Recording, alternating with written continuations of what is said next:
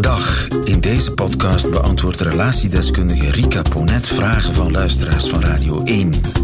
Vragen over familiale kwesties, relationele knopen, kapseizende huwelijken en krakende vriendschappen. Vraag het aan Rika.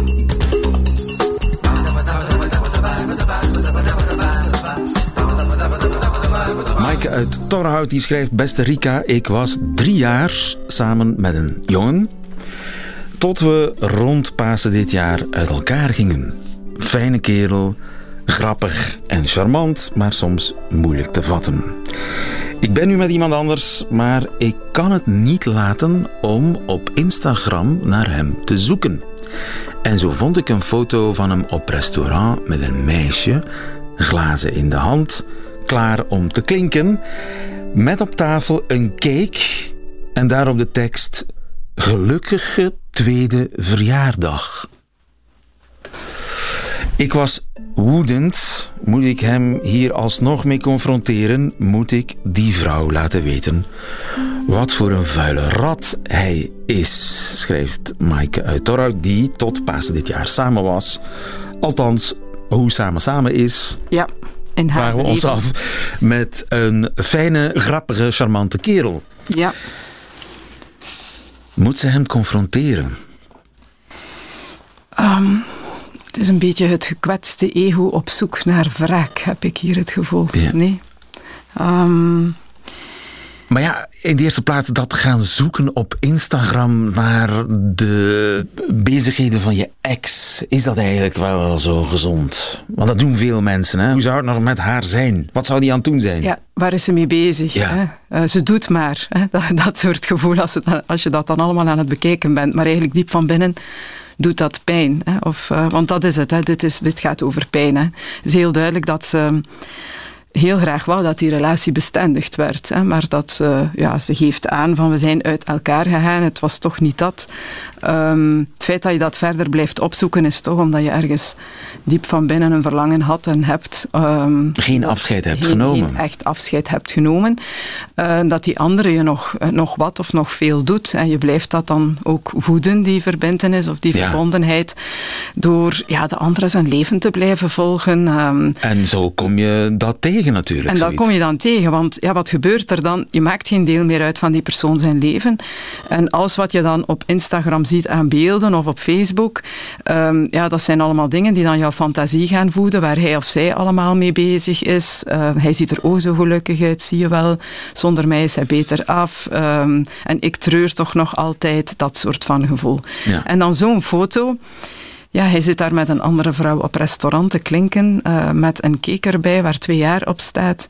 We weten natuurlijk niet. Niet waar die twee jaar over gaan. hè. Nee, Ja. zij gaat ervan uit dat ze al twee jaar een relatie hebben, die twee. Dat bedoel ik met die fantasie. Het kan net zo goed de verjaardag van haar kindje zijn of zo. Ja, of twee jaar kankervrij, om maar eens iets groots te Bijvoorbeeld. zeggen. Ja, mensen vieren zoveel dingen. Ehm, ja, en, en dat is het. Hè. Dat, dat vertelt of dat toont ook aan dat dat vooral in haar fantasie is. eh, dat ze heel veel bezig is met eh, het leven dat hij ondertussen al leidt. En ehm, ja, de, de jaloersheid. Ja. De, de ik ik kan mij ook wel voorstellen dat de verleiding heel erg groot is. Want als ze die vrouw daarmee confronteert, dan speculeert ze er misschien op dat die relatie afspringt. Ja, of hij mogelijk dan alsnog terugkomt. Ja. Nu, het gevoel dat ik daar vooral bij heb, is toch dat van wraak. Ik denk dat nogal wat mensen ehm, dat koesteren als ze na een relatie ontdekken dat die relatie niet helemaal was zoals zij eh, dachten of zoals ze die toen ervaren hebben. Hè. Dat er een ander verhaal speelde of dat er informatie was die ze niet gehad hebben. In dit verhaal, mogelijk, en kan heel goed zijn, dat hij er een tweede relatie op nahield. En dan gaat dat natuurlijk over pijn, over afwijzing. Ik, ehm, eh, ik ben niet echt graag gezien geweest, ik ben niet liefdeswaardig, want dat is eigenlijk wat daar heel diep van binnen onder zit. Ehm, ja, ik kan eigenlijk de anderen niet vertrouwen. Het is, ehm, ja, het is een rotzak, ze zegt het ook, het is een vuile rat. Hè. Ehm, terwijl zijn wezen die man, die gast, graag ziet. Wat ik dan altijd toch probeer ook, um, ik zie dat vaak, hè, mensen met zo van die reactieve, woedende gevoelens en dat overheerst alles, dat is uw reptielenbrein dat aan het werken is. Hè. Dat is eigenlijk niet de mens, maar dat is het reptiel dat dan aan de gang is. Uh, de kleuter ook, er is mij iets afgenomen uh, wat ik uh, heel graag wil en wou. En men gaat dan ook al eens die relatie of de geschiedenis of het verhaal daarvan in negatieve zin volledig herinkleuren, herschrijven en dat is zo zonde. Want um, in, ja, in mijn ervaring is het zelden zo dat mensen elkaar bewust kwetsen of dubbellevens leiden. Dat is maar een heel klein percentage, daar moet je altijd van uitgaan. En het merendeel van wat je ervaren hebt, is ook echt geweest. Ik denk dat dat heel goed is van te beseffen. We hebben elkaar graag gezien, we hebben heel veel leuke momenten gehad. Ze schrijft dat ook, wij kwamen goed overeen, was allemaal super fijn. Valideer dat ook. Um, ga terug naar die herinnering en weet, um, dat klopte, dat was juist. Wat ik toen gevoeld heb, dat was echt. En ik mag dat ook zo zien. Ik hoef dat niet te herschrijven vanuit die foto die ik nu op Instagram heb gezien. Ik kan dat valideren, ik mag dat. En dat helpt ook veel meer om, wat nog altijd pijn doet, maar Um, ja, afscheid om, te nemen. Om daar afscheid van te nemen. En verder te gaan. En verder te gaan. En ook jezelf daarin um, verder te kunnen blijven zien als iemand die kan graag zien, wel goede inschattingen maakt, wel goede keuzes maakt, liefdeswaardig is. Dus het, uh, ga dat pad niet op De van die wraak, dat leidt nergens toe.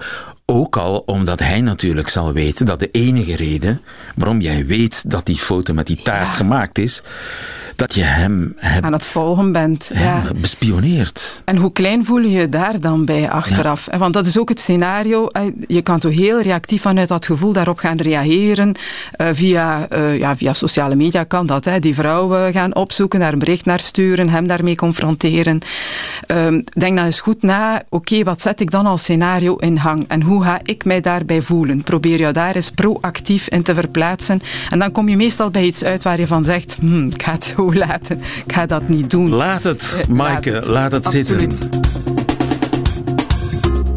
Heeft u zelf een vraag voor Rika Ponet? Stuur ze dan naar nieuwefeiten.radio1.be. En wie weet hoort u het antwoord in een volgende podcast. Namen worden sowieso veranderd.